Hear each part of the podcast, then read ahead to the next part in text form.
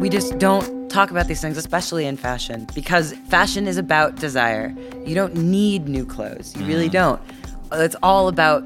That's all. That's why Fashion Week is such a big deal. It's it, these brands. All they have are their name Yeah. and their brand. And if you tarnish the name, I mean, you tarnish the whole product.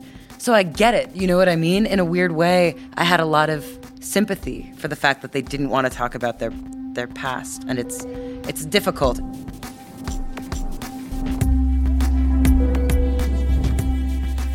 This is season one of Meaningful Design, a show about fire starters, sparking initiatives that have a lasting impact. It was formerly known as Verwondering, an award winning Dutch design podcast. Now we're bringing it to the international stage in English.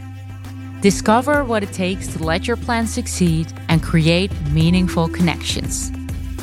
The power of the collective requires the commitment of the individual.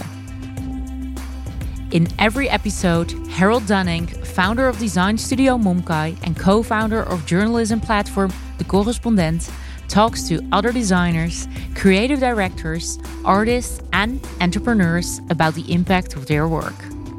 We want to hear from you too.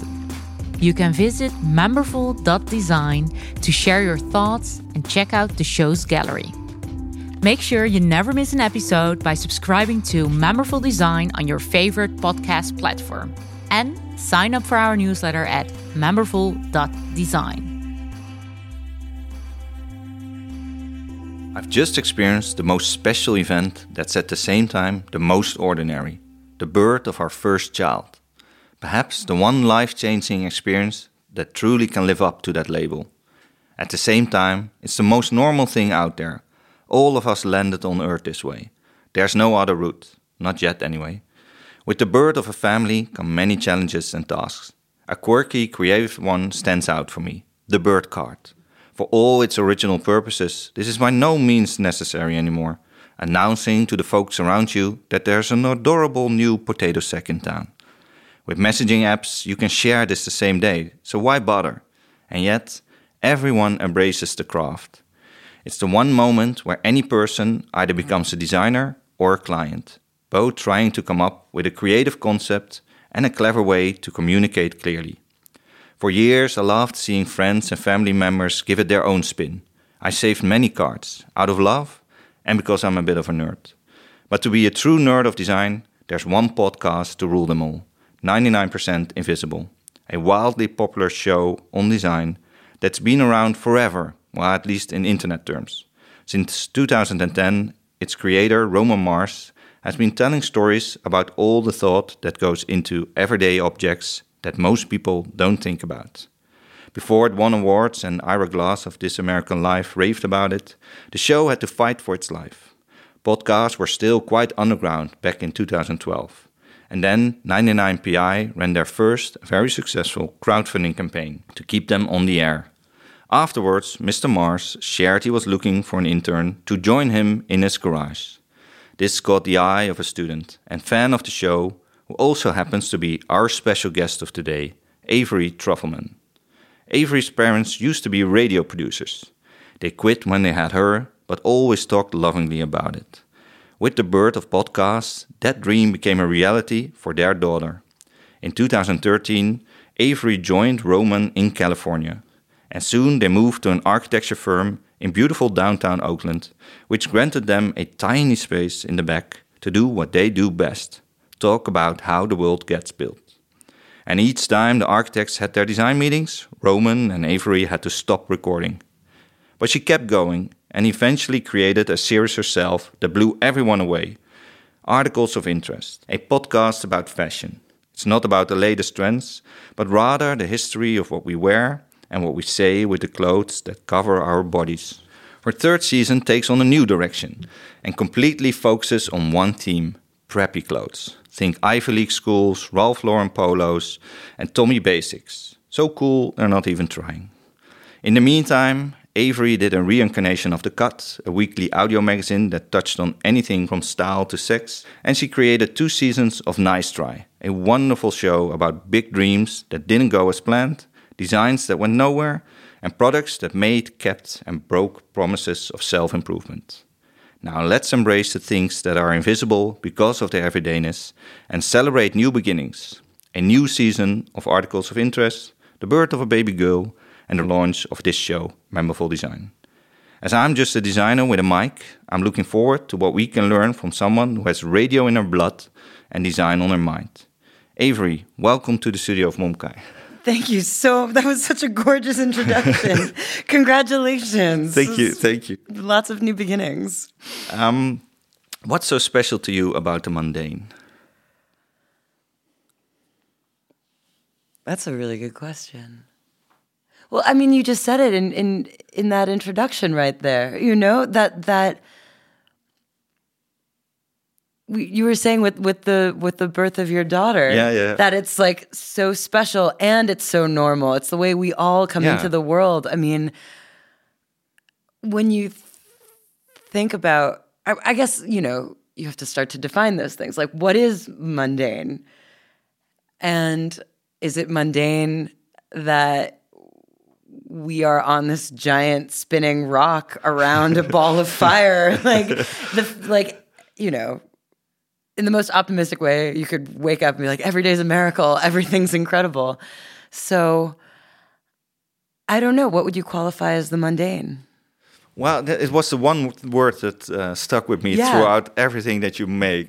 What's so special about the, the shows that you create and then the, the lens that you put on something is that you see the beauty in something very normal, from a doorbell to the pockets of your jacket or anything, and to to to marvel at that. So the Dutch uh, um, name of the show used to be uh, Verwondering, Wonderment, uh, and I think that's I, think almost feels like the the key to a happy life. Like if you if you never take something for granted and and you see that something normal can be special, I think you yeah you, you will be happy forever. Like at least not happy forever, but at least you you you trickle yourself to to uh, see the world anew. I mean, I think that's beautiful and I want to be like, yeah, that's the key. but, you know, and then there's the flip side of that, right? Which is that uh, once you start looking where everything comes from, also there a lot of the stories of a lot of products and objects yeah. under capitalism also are have that's really ignoble beginnings, you know? You could also I mean, I guess it's a funny it's a funny thing because you could look around at the world and you could yeah. look around at all these objects and say, it's so beautiful. All these people put all this thought into it. And that is true. And the other side of it is, you know, I mean, you mentioned the doorbell, for yeah. example, the history of the doorbell. You know, so much of that has to do with ideas of personal space yeah. and tensions with neighbors and wanting to keep out you know th- the other yeah. and wanting to not interact with people the way we've seen the doorbell turn into the security camera yeah. basically and then with pockets you know at the end of that story it, it begins with talking about gendered pockets and why if you go to the women's clothing section and the men's clothing section women's pockets are so much smaller than men's. And it's always been framed as like well why don't women have bigger pockets? And the real question is why do any of us have any pockets at all? And in an ideal utopian society we wouldn't have any pockets because we wouldn't need keys to protect our stuff. We wouldn't need like money. You know what i mean? That the other side is you could look at all these objects and see the the the shortcomings in them and the way they could be better, the ways they were made in exploitative ways or emerged out of our fears. So I don't know if it's a better way to see the world. It's just a way to see the world. You know what I mean? No, very much so. It's almost like you know too much, like you know all the layers, like ignorance is bliss. So, so, um, and of course, you really dive into yeah the the history of things. And then I, I, don't know like you always get somewhere that it's like a bit like sad or like an Hawaiian shirts and to be all about colonialism and you're not really um yeah I didn't know uh, that it would end up there. But um me neither honestly. Yeah. Yeah exactly. Yeah so the, the episodes that we described are a few episodes of articles of interest about the Hawaiian shirt in the pocket or um, nice try which yeah went amongst other things about the doorbell.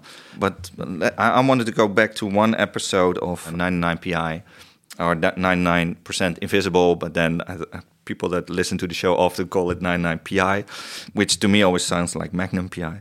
But uh, there's one episode, like you did many episodes there. Uh, I really loved it uh, from like Miss Manhattan or um, oh, you. your, your first one about covers, the cover story. But there's one, and I think that's also one that's close to your heart, uh, The Pool and the Stream, which to me really sums up what I find really intriguing in your work. But maybe you can describe to us a little bit for you what what that episode of of the podcast was about. Thank you. So, by the way, I just have to say thank you so much for all the listening you've done. It clear, like it's so. Um, it's all my pleasure. really, like like a, uh, the research is just the greatest gift that you know. I try to give.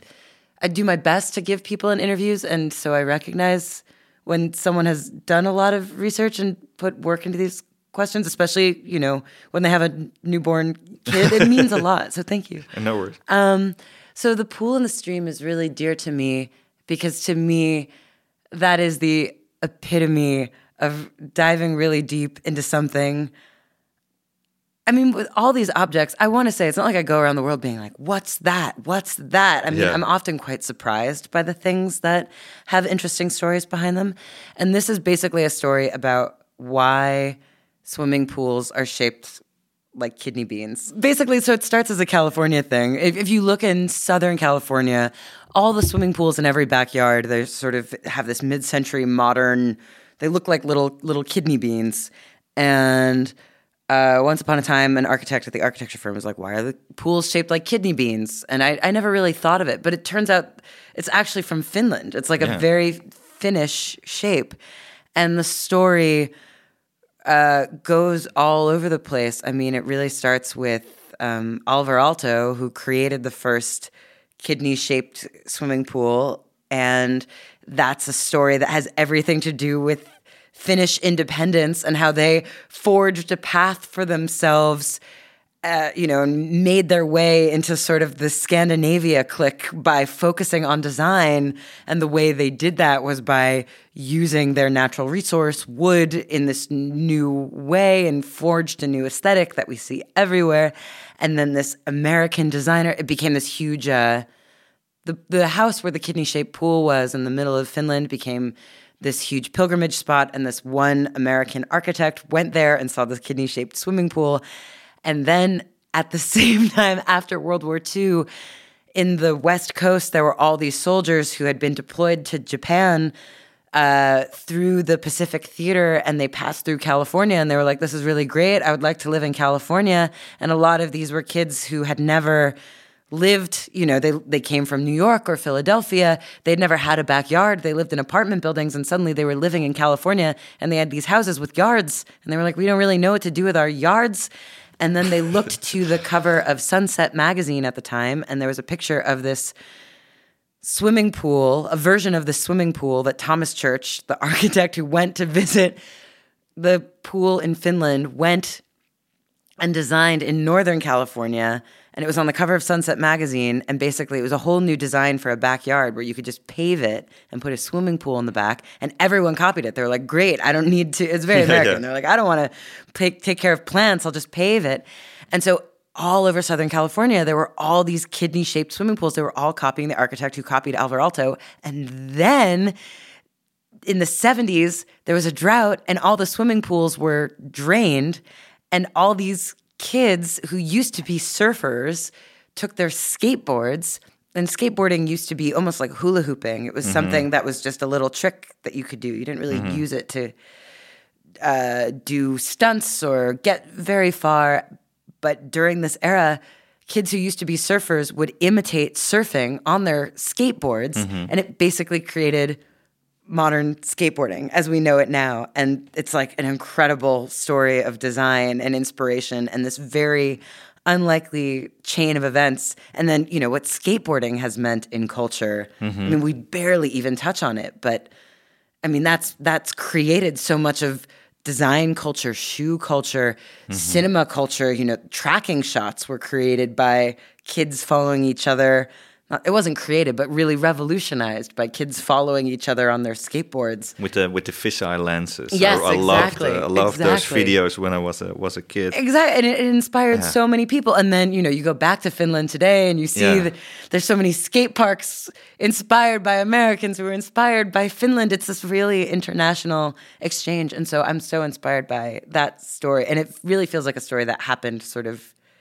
to to me. I had no idea where it would go when I started.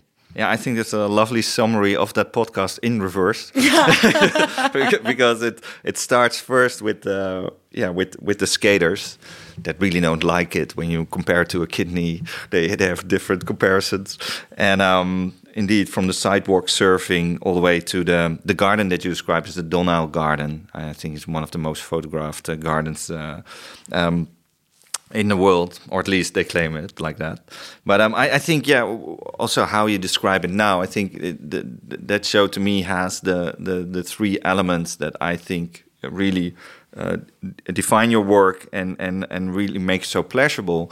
Is um, first up, it's an adventure. So I'm uh, you're really driven by curiosity. Like you, you, it's like you you go into your backpack and you just follow you. but I really like that because very often uh, in design, I think everything was so serious and so I don't know, always important and um, always the same uh, names, always men, sadly enough. And I think uh, the second element is really indeed that proper research. So I think w- what's so intriguing about that story is also that it becomes uh, less U- U.S. centric, and it really looks to like okay, the, this professor comes. There's a professor that goes to uh, this uh, university in in in uh, Finland. Says like this pool, this is the first of its kind, Donnell Garden. It just happened here, and then someone in the audience is like, "No, no, I don't think so. I think Alvar Yeah, Aalto yeah. Did that. Um, Aalto did that." But um, so I really like that that you also take it out of that that frame. Um, and the, and the last one is that it's really sort of lightheartedly meaningful. So you actually go really deep, but it's never never so boring. It's always honest with humor, and I think that's a really beautiful way of telling stories. I think anyone can learn from that. Not you don't have to make podcasts listening to this podcast, but you just uh, it's a beautiful way to, to to either talk about your designs or about what something means to you. I think. Thank you. So you you you worked at uh, 99PI for seven years. How, how did your methods, working methods, evolve over that period?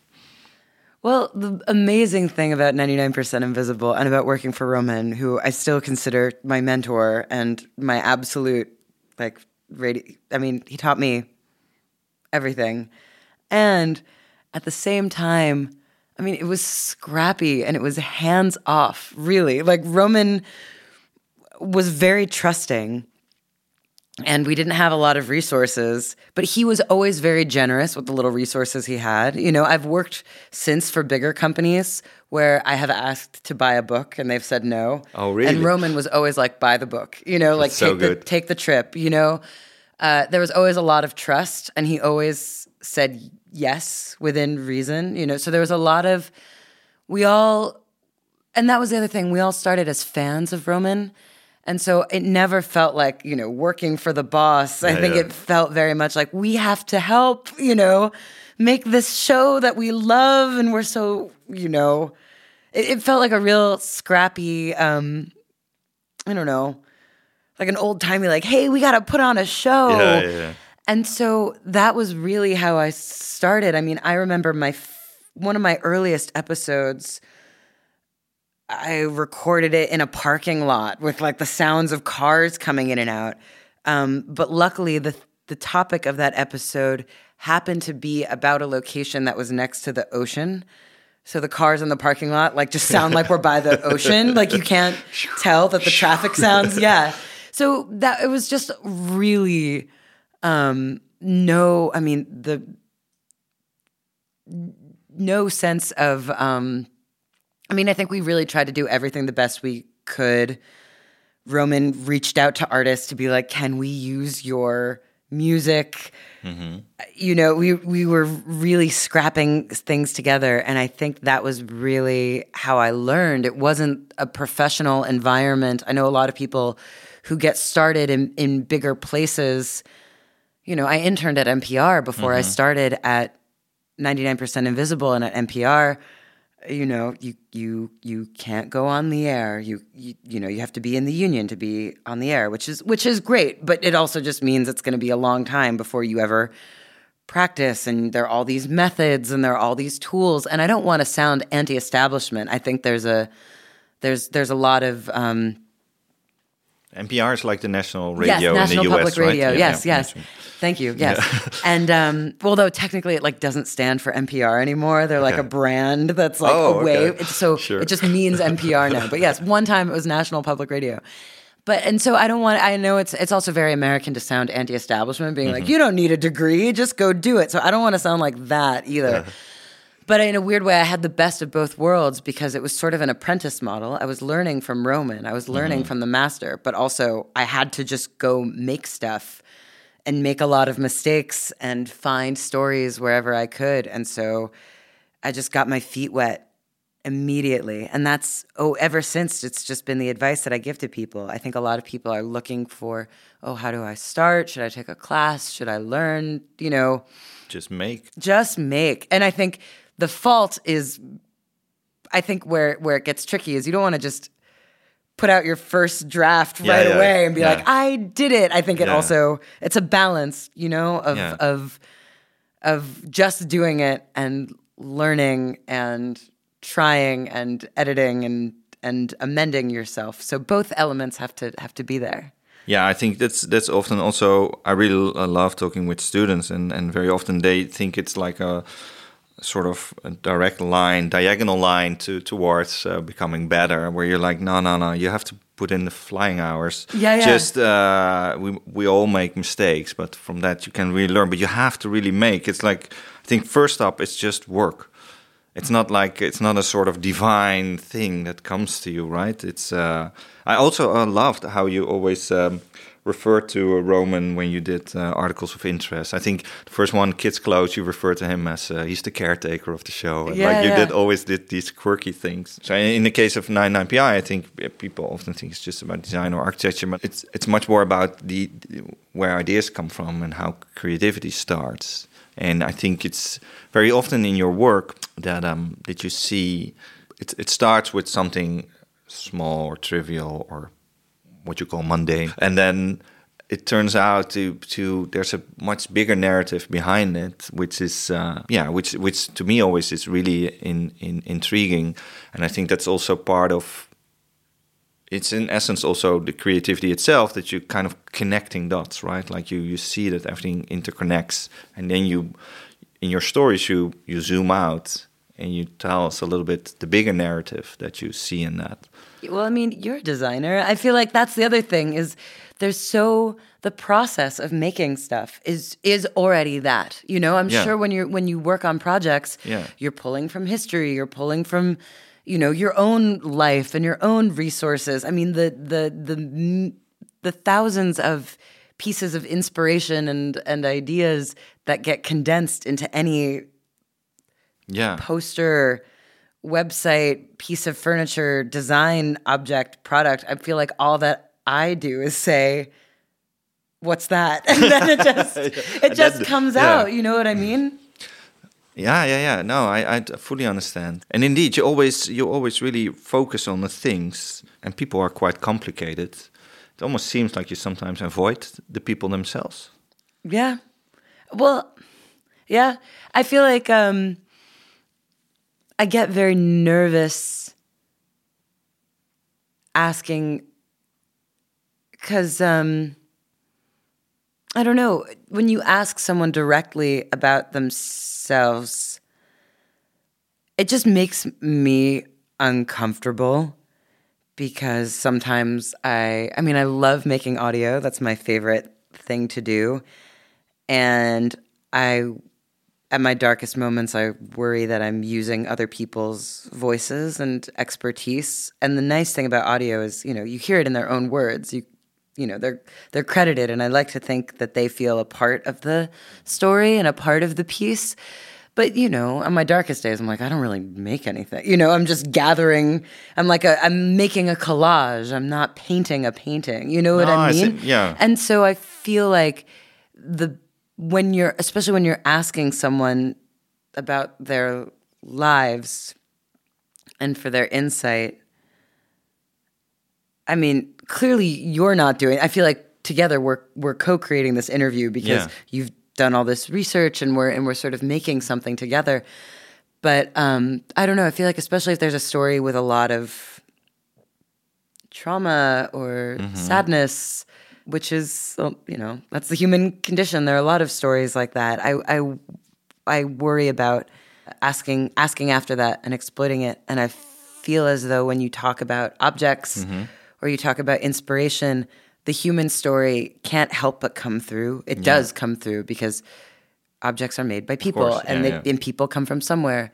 Um, so I find it easier for me, sort of ethically, to ask about objects and then people can offer up what they want to offer up rather than, you know, I think in in in, in all your um, work, I think you're you're really respectful to the to the people that you you uh, put in the spotlight. And how important is is then being nice? being nice. Oh man. I mean, it's funny.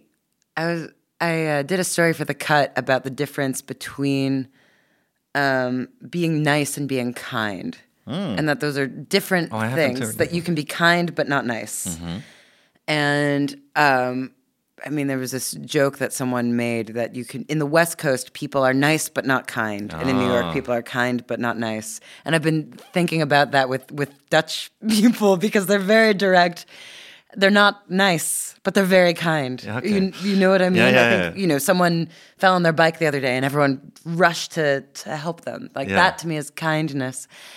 And I don't know. I don't know about the importance of niceness. If niceness, I'm curious what you think about this. I feel like nice, if nice helps people feel at ease, then that's important. What do you think the What do you think the role of niceness is? I think in the end, it's what we really drives us together is that we that we're in this together and we're we're helping each other. And I think very often. Uh, you, you come from New York, which of course has has uh, Dutch roots, uh, and um, later um, somehow had ended in British hands. But um, it's um, uh, and very often th- certain Dutch things were phrased as uh, going Dutch is going to being cheap at a, at a dinner or something like Right. that. Yeah. Oh. So it's Oh, does it's that all- offend you when people say that? yeah, so it's all Oh, it's it's all British framed, um, and and very often by being direct uh, in, in in in our culture, it's often perceived as uh, I'm I'm I'm kind to you because. Uh, if if uh, I don't know, uh, you, you drink coffee and there's still uh, I don't know some foam around your mouth, we would say it, and other people are like, no, you can't do that, like too, too direct. I'm like, no, but otherwise this person would be walking around half the day with that on the face. So w- the the the kind the, the directness is is. I I think also a way of kindness, but it's often not perceived like that, and it's and it's and indeed, then you get this kind of comparison between nice and kind, where I think you can be kind and nice. Yeah, yeah, yeah. No, it really is. The directness is really a gift. Um, Also, uh, also a time-saving gift, because that's sometimes I also had. I worked for many years also in in the states, and then in meetings I thought like, why? What is this? Why is everyone take so long? And Yeah, what are we outside getting the, at? outside the meeting, people would have like conversation, and in the meeting, you wouldn't. People would not always go. Um, yeah, to to just call out what's going on. I think partly what you do in your show is use kindness to call out things that are wrong. I'm glad you see it that way. I worry about that. I really, I really do, because I think there is so much injustice, and as I said, a lot of histories are are are bad. You know, a lot of histories Well, are it's, it's gray. It's never black and white, right? Like it's, uh, there's just so many layers, or Fifty Shades. I don't know, but uh, there at least it's not like it's not. Yeah, I, and that's I think also what you meant earlier in the conversation is that um, uh, when you know more, you you kind of know that there's like.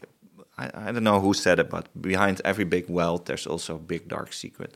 Because otherwise, you couldn't get into becoming a billionaire. You have to Yeah. have somewhere you thought like uh, everything for me or something like that. So um, I think when you see start to see those layers, I think it's yeah. Then everything becomes kind of gray, but still you can still see the sparks of beauty. I think. Oh, yeah. I mean, I often worry that I'm not, um, I don't know. I mean, the tricky thing is, I'm sure you know the feeling when you interview people, you just learn so much about them and you mm-hmm. sort of like get so excited about them, like you love them. Yeah, yeah. And I guess that's the thing, even when I'm when I have the opportunity to interview people who I want to call out a little bit, I'm like, oh, but there's I like them so much. Oh, you know, yeah. they're so great and they gave me their time and I don't know. I have a I have a hard time. It's something I really struggle with because I want, you know, I want everyone to like the piece and I Yeah, want yeah. everyone to be Yeah. happy and I want to tell the truth. And I don't want to seem, you know, like a have you have you read The Journalist and the Murderer by Janet Malcolm? No. It's an amazing book, very slender volume. Yeah. Love a love a slender little book, but it's about a it's about a it's a classic. It's about a, a man who a, a journalist who followed around this man who was accused of killing his wife and kids. Mm-hmm. And he gets very close to this man, and this man's very wealthy, and they go on vacation together and they get very close. And over the course of years, they develop a really intimate friendship. And then the journalist turns around and publishes a book, and he's like, "Yeah, this guy totally killed his wife and kids." And the the accused murderer was like, "What? Wait, wait, wait, wait, wait, wait, wait, wait, wait! I thought we had like stopped Yeah. that. It's been years." And then there was this trial about um, should there be some line in the sand? I mean, should there be some some regulation about how close you can get as a journalist? And it was this huge ethical conundrum. And Janet Malcolm wrote this book, and then at some point she's like, "What am I doing in this story? Like, am I getting too close?" And then Errol Morris wrote a book about Janet Malcolm So writing the book about the journalist, writing the book about the murderer. And I always wanted to do a podcast about Errol Morris writing the movie about like Janet Malcolm writing this story about the journalist about the murder. But um, she has this opening that just ugh, kills me. It's just like, why would anyone trust a journalist? It's something. It's something I, I worry about because I don't want to be a bloodsucker. Not like I'm doing hard hitting, you know, news stories or anything, but I do. I do worry about niceness and the way that niceness can be a mask Oh. and the ways in which you know sometimes you maybe don't want to make people feel too comfortable. I don't know. It's something I, I, I think about a lot. Uh, yeah, so besides the design agency, uh, um, we run a uh, journalism platform, uh, what we called, uh, we talked about before. Yes, yes. Um, uh, and the one thing I always struggle with the journalists is that uh, I don't know, everyone's super skeptical about everything, and especially uh, I'm, a creative director, then so everyone's skeptical because you're in a sort of power dynamics, and I, I always thought like, ah, but we're gonna do this great thing, and then everyone's like just firing endless questions. So I always jokingly said to to, to my other co-founders like, this is the, the toughest crowd I would ever I ever presented to. Um, um, but yeah, so that's kind of like a blessing and and and and hard at the same time. It really pushes you to explain better why you do certain things. Uh, I, I totally recognize wh- what you say. I always view myself as a designer. I'm not a journalist in a conversation. I don't have to tell. I don't have to ask anyone permission to. Or I have to pitch anyone who I'm interviewing. I'm interviewing you because I think you're very interesting, and then th- that kind of gives me a sort of cloak, like I don't have to grill anyone. Right, right, right, Um, right. But you could also say like, yeah, you let them off easy, right? But I don't know. Like it's, um, I think that those those are two s- schools of thought, right? One is y- y- you create this spotlight, and what is so inspiring, more people should hear that. And the other school of thought, like, no, no, I'm gonna rip off the mask So- and shows there. Yes, exactly. Uh, Do you know there's this show called Unreal? Mm-hmm. And it is a fictional show made by a producer from The Bachelor. And it's Mm-hmm. all about how they produce reality TV. Season one is great. I do not like season two as much, but there's this episode in season two. I can find you the YouTube video, but Mm-hmm. there's this one scene where this um, sweet young producer who's like really nice and wants to see the best in people is learning how to do an interview. And so this experienced producer is whispering in her ear. And when I saw this scene, I was like, this is exactly how I feel whenever I do interviews that are supposed to be harder. And she's interviewing this, you know, contestant on this reality show, and she's asking, um, you know, oh, were you were you married once before? And she was like, yes, but he died. And the and the and the producer in this the senior producer in in this young producer's ears feeding her questions she's like okay ask how he died he's like how did he oh. die he's like a car crash and then the the the the older producer is like ask did you were you driving the car? Did you kill him? And the, oh. the the young producer's like, I don't want to do it. I don't, you know. And she's like, Madison, ask the question. And she's like, No, no, no, I don't want to ask the question. And that's, I mean, I'm not asking those kinds of questions, but I really sometimes can hear the producer, like my producer self, Yeah. in my ear, being like, just ask the hard question and Yeah. like sweet little interpersonal me who's getting along and having this nice conversation is like, no, no, no, I don't want to do it. So it's a very split reality because you have to keep the you have to keep the audience and not just for entertainment factor, but also, you know, your your your duty, you know, to whatever, tell the truth and and use this access. So yes, both sides are always really present. But to do understand the, the, your limit there, or what is your the edge, your boundary, you, you must have passed it once, where you thought like I went too far. I don't know if I should talk about it. I've definitely been I've been like kicked out of rooms. Yeah, I've been like interview over. Um but yeah, I also understand I don't know. And I have total empathy. You know, I understand why people I understand why why people wouldn't trust journalists and honestly, I think it's kind of savvy when they know their limits and they're like, "Okay, interview over." Um yeah. what what happened then? Why was it over then? I mean, ugh. I don't know if I should talk about it because I feel like if I talk about it out out of context, it's going to make them look bad. So I was, I was interviewing a big company mm-hmm. and I asked them about their history mm-hmm. in the 1800s mm-hmm. uh, with with slavery, and they didn't want to talk about it. Oh, And and but but I also get it. Like that's a really hard thing. Yeah, but you, it's it's it's 2000. I know exactly. I- part of- 22, like, I thought I was teeing it up. I thought they were going to be like, oh, you know, it's our is- collective This past. is your your moment. yeah, to, like say it, you know, say it, say it, Yeah. knock it out of the park. Yeah. And they just didn't want to talk about it. But you know, this was a fashion company, and f- it's really hard. Fashion, particularly, has a really hard time reckoning with the past. Oh man, and- because yeah. fashion is supposed to make us feel good. We want, and fashion is built on nostalgia. You know, Yeah. it's it's it's about selling old versions of the past. A lot of the clothes are a lot of new trends are recycled old trends and all of that is predicated on this idea that like the past was a better place that people dressed Yeah. better in the past they they they everyone knew how to dress way back then and so no one wants to sell a version of the past that was bad. No one mm-hmm. wants to sell rags or images of people in, in poverty and or talk about bad work practices. You just don't like Hugo Boss doesn't talk about the past and everyone's like conveniently forgotten about it. the whole uh, war and uh, dressing all the Nazis.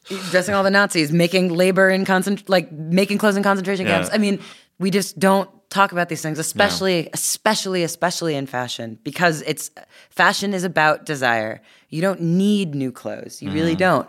It's all about.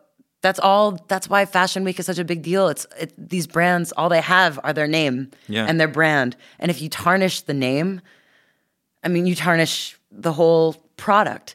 So I get it. You know what I mean? In a weird way, I had a lot of sympathy for the fact that they didn't want to talk about their their past, and it's it's difficult. And so that's the other thing. I'm like, doesn't make it right, and I get it because also the public has a very unnuanced opinion. As soon as you're like, oh well, they if they admit they used slave labor Yeah. in the past, it's like, oh, that's problematic.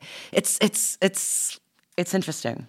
Uh, But but still, like I have a dear friend who who, who designs for Fendi, and they still use fur, and I'm, Yes. I, I- and and it's a hard conversation to have, even with her. Like, what what you, you're still fur, and there's like, no, it's and in China, and we have to do that. And you're like, no, no, I don't think you ever have to do that. But um, um, and I think partly what, what happened there, and I think that's also why I liked your, your articles of interest here so much, um, uh, and and and uh, happy that there's a new season, is um, partly it's super serious. Like you can't really uh, uncover anything within fashion. Uh, everyone is. Uh, I always think that the designers with the the big black glasses and all that that kind of feel like it's. Uh, and I, I worked a lot in fashion. I had I had many fashion clients.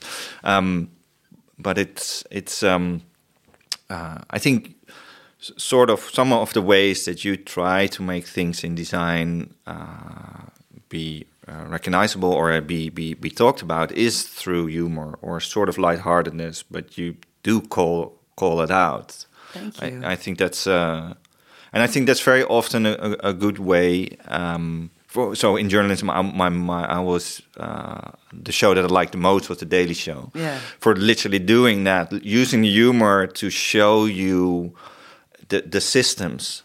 Uh, because a lot of news is about the incidents and not so much about the structures that define our world. And I, um, with Jon Stewart and, later also with Trevor Noah, like they, they to pull down the curtain and show you like this is continuously happening and uh, I think that's beautiful, but I often really miss that in design. One of the reasons I started this podcast and, and talking to people is that I thought like, oh, everything's so fucking serious.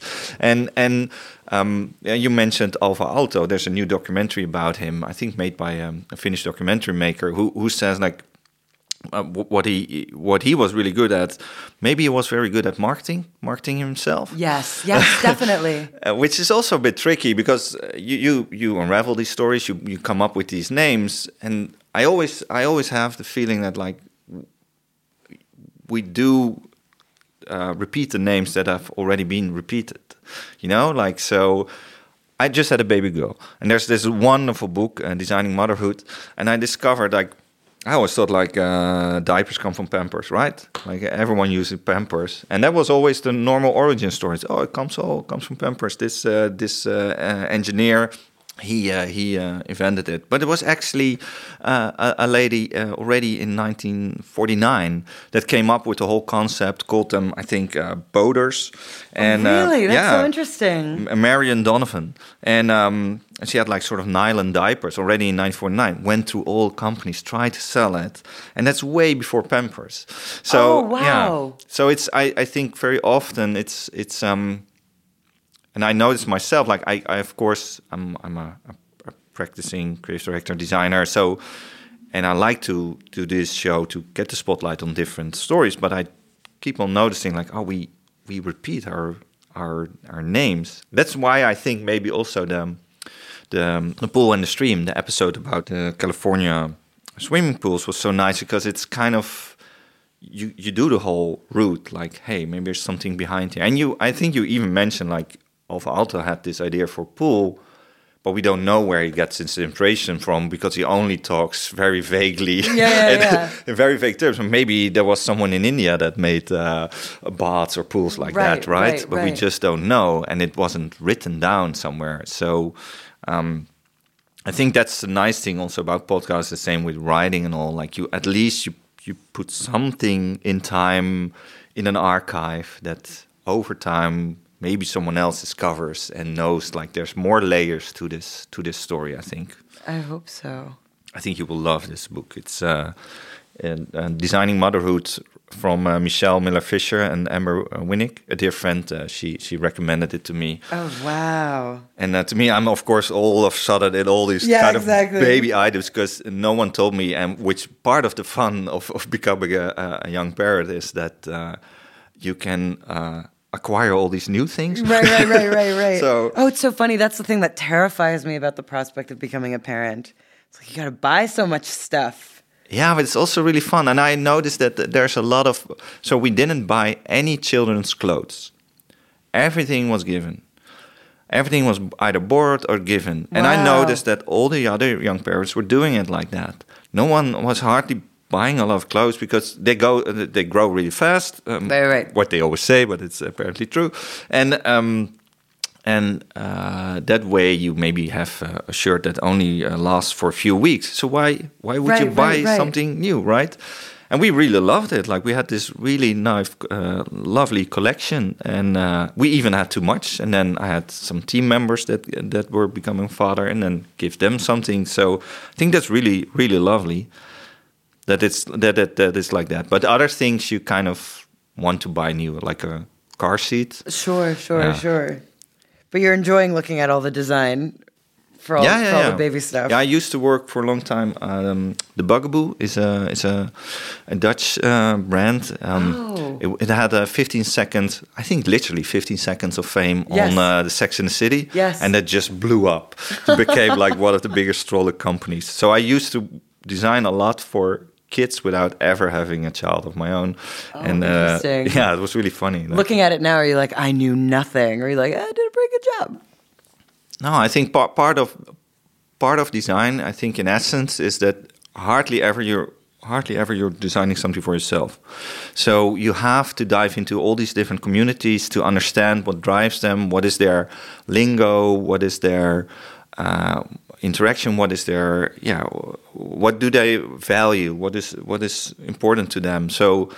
I think one of the things that is almost hard to describe to people that are not in this kind of creative field because it's a service, right? You're helping other people, is that you have a sort of license to just dive into worlds. And I think what you do in the sort of radio making or podcast making is is um, is a similar way because I recognize that at journalism you have a license to just ask, you just go in and you talk to people, and um, and you have uh, in, in journalism you have the freedom, uh, and then I go away and indeed make your own story of it Right, right, and, and be nice or not. Um, and in design, I kind of like I have to m- make something that people can use and it can last, and I'm mindful of the resources that have been used. But it's it's yeah it's um yeah it's the one thing that you can really yeah discover new worlds because it's always a, a, a big world and a small world. I think the, the the bigger world is like where the product is being made for or the platform who comes there, and the smaller worlds then all the people that drive that. That's like a little community in itself that has its own lingo. I think you you, you mentioned it before about nine percent invisible that you were like at some point so deep into it, you knew all the jargon, and that's kind of when you know like. Hmm, Maybe I should get out. Yeah, exactly. I wasn't representing the listener anymore. People, you know, all these names, you, you know, that you said that we mention over and over again. It got to the point when people would, would like be naming architects and be like, mm-hmm, yep, uh huh. Like I. I, I stopped asking questions. You know, I Oh. stopped being like, who's that? Why are they different? And it's like that, and then I, then I, then then it's then it's just mutually commiserating. You know, then it's then it's not interrogating. And I luckily have so much to learn about fashion, and I don't know, like you. Do you ever look at tarot cards? Tarot. Oh, the uh, tarot. Yeah. yeah, tarot, Yeah, yeah, yeah. Tarot. Uh, no, Um, well, the first card is called the Fool, and that's what's supposed to set you out on the journey. And it's this picture of this like beautiful young man setting off on a path, and the sun is shining. And I feel like you have to have a little bit of the Fool mm-hmm. to begin the journey. That's how how the, the tarot cards tell a story in mm-hmm. order, and it starts with the fool and it ends with the the world. With, Oh, like wow. you get you get to everything. So it starts with ignorance then to, to get anywhere. kind of, yeah, Yeah. yeah. You need you need a little bit. I feel like that. You know, I'm a professional dilettante. nice. Um, something that I ask all my guests, and I'm very curious for you um, for about is um, for which design are you most grateful? That's a great, yeah. Hmm. I should have thought about this. Um,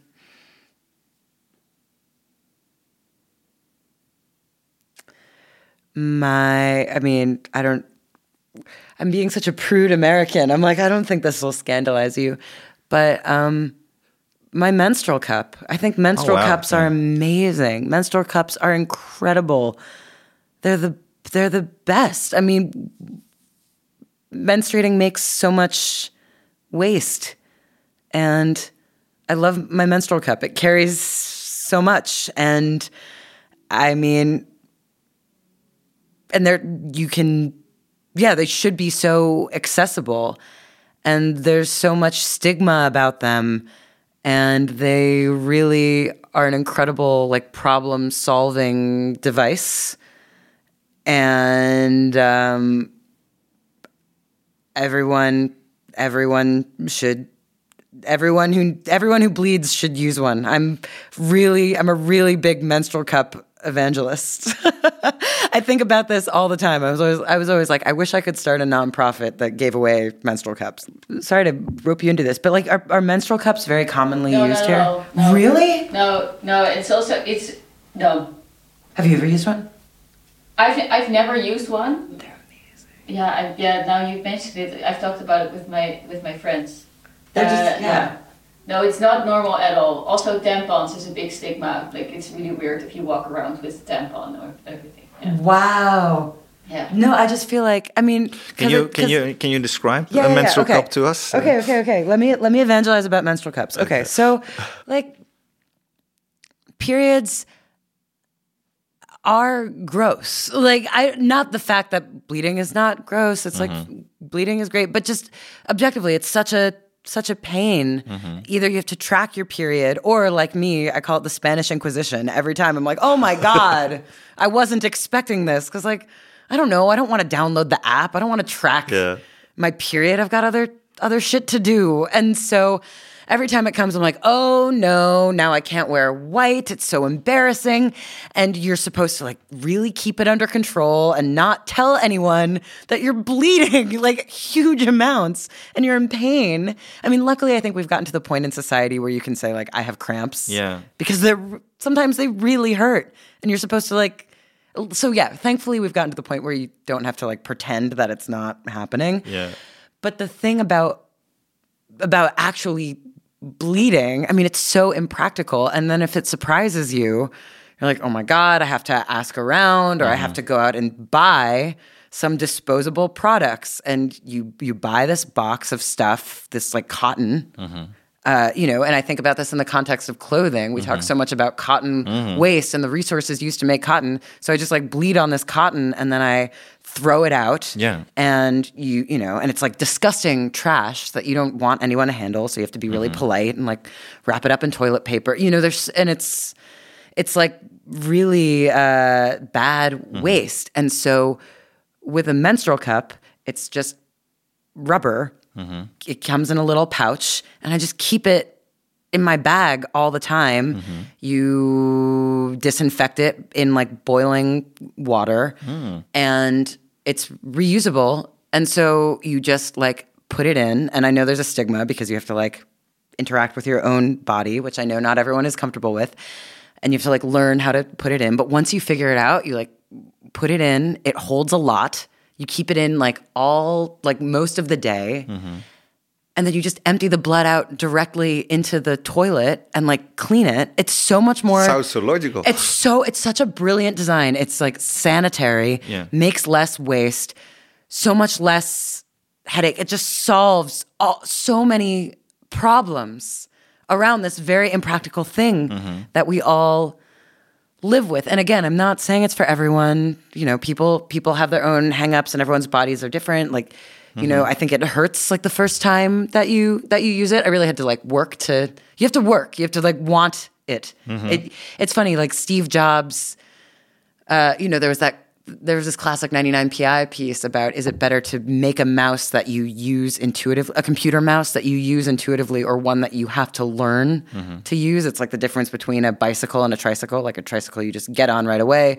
But a bicycle you have to learn how to use but then it's so much more dynamic the the menstrual cup kind of falls into the latter category. You kind of have to like learn how to use it mm-hmm. but it's a brilliant simple design and it's a shame that it's still so stigmatized and not talked about. So i'm going public. Like i love menstrual cups. Everyone should use one. Oh no, I really love that you put that in the spotlight, and I, I'm I'm I'm I'm I'm still very curious because I discovered so many items that are just that are only for women that are not really being talked about, or at least I don't see it. And learning from this uh, little conversation that you also had with our producer Plony, that that that it's um, yeah that it's uh, not even amongst women so much talked about. yeah we don't that and that's the thing we're not supposed to we're not supposed to say it and it's yeah yeah but because it still feels like there's still so much to win there because i i, dis- I discovered that that um uh, I think um, in, in in the again in the 40s or so, it was also you don't really talk about your pregnancy, where you have this big belly, Yeah, yeah, and you yeah. don't really talk, and you don't go out the house uh, that much, and and um, then I discovered that my my my, my daughter for, for, for um, she is um, named Lucy. Amongst other things, uh, after I Love Lucy, uh, Lucille Ball, who did a really great show, and she at some point became pregnant. Her husband was also in that show, Right. Her real husband, and she started to wear these kind of gowns that show the belly, which was completely kind of new at the time. And now we can't imagine like Yeah. like Rihanna goes out in an amazing outfit, super cold in in New York somewhere, and then and um, but really shows the belly. Yeah. And but it still feels that there are other items that are there that are deeply important to your health uh, that are still kind of like no, we don't really talk about, or we don't even. I think one of the things that are so nice about about um, art uh, museums is that um, sometimes they take the ordinary and put it in the spotlight if it's more like a design museum. But these things, like a, a breast pump or a menstrual cup, well, I haven't seen them, and I think I know. I'm like, I wish there was like a little display where people could and, see and, what a and, I, menstrual and cup I, is like. yeah, and I need to see it, right? Because otherwise, I don't see it, and that's also one of the reasons that you do a show or that you have something in a museum is that you kind of have to learn where some something comes from because this is the same. It's like okay, there's a lot of layers to this story, but it's good to know also about pain and and and about how uncomfortable something is and and and indeed, like if you describe them bleeding onto cotton and then the cotton throwing out, you're like, oh shit, yeah, that is a whole whole cycle of waste. Oh, totally. And at the same time, mentally, you you have some form of guilt for using something that you really have to use. Exactly. But you're deeply aware that it's also not good for the environment. So, and there's a whole stress level that I, as a man, wouldn't know, right? So, no, thank you for this one. I, I really, I, it's, I think it's a brilliant answer, and um, and um, really, really love it. And and thank you so much for Oh, for thank for taking the time to to visiting us and uh, and be here at Momkai. So um, yeah, thank you so much, and uh, hopefully you speak soon. Yes, thank you so much. What an honor. Hi, I'm Brenna Foster, part of the team that works on Meaningful Design. We hope you enjoyed this episode. Now, we want to hear from you. We're researching what makes communities, memberships, and movements so powerful. Or, in short, how to better design for belonging. You can help by sharing your own experiences in our first listener survey. Go to meaningful.design slash community or click the link directly in your show notes to complete the survey.